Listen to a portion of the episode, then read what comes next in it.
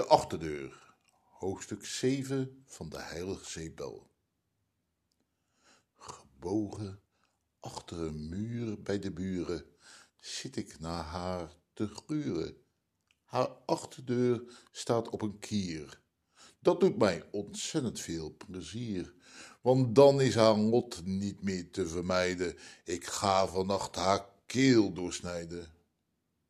Dan kleed ik mij naakt uit in haar huis en ga baden in haar bloed. Al stoppen ze mij straks in een dwangbuis, haar rood staat mij zeker goed.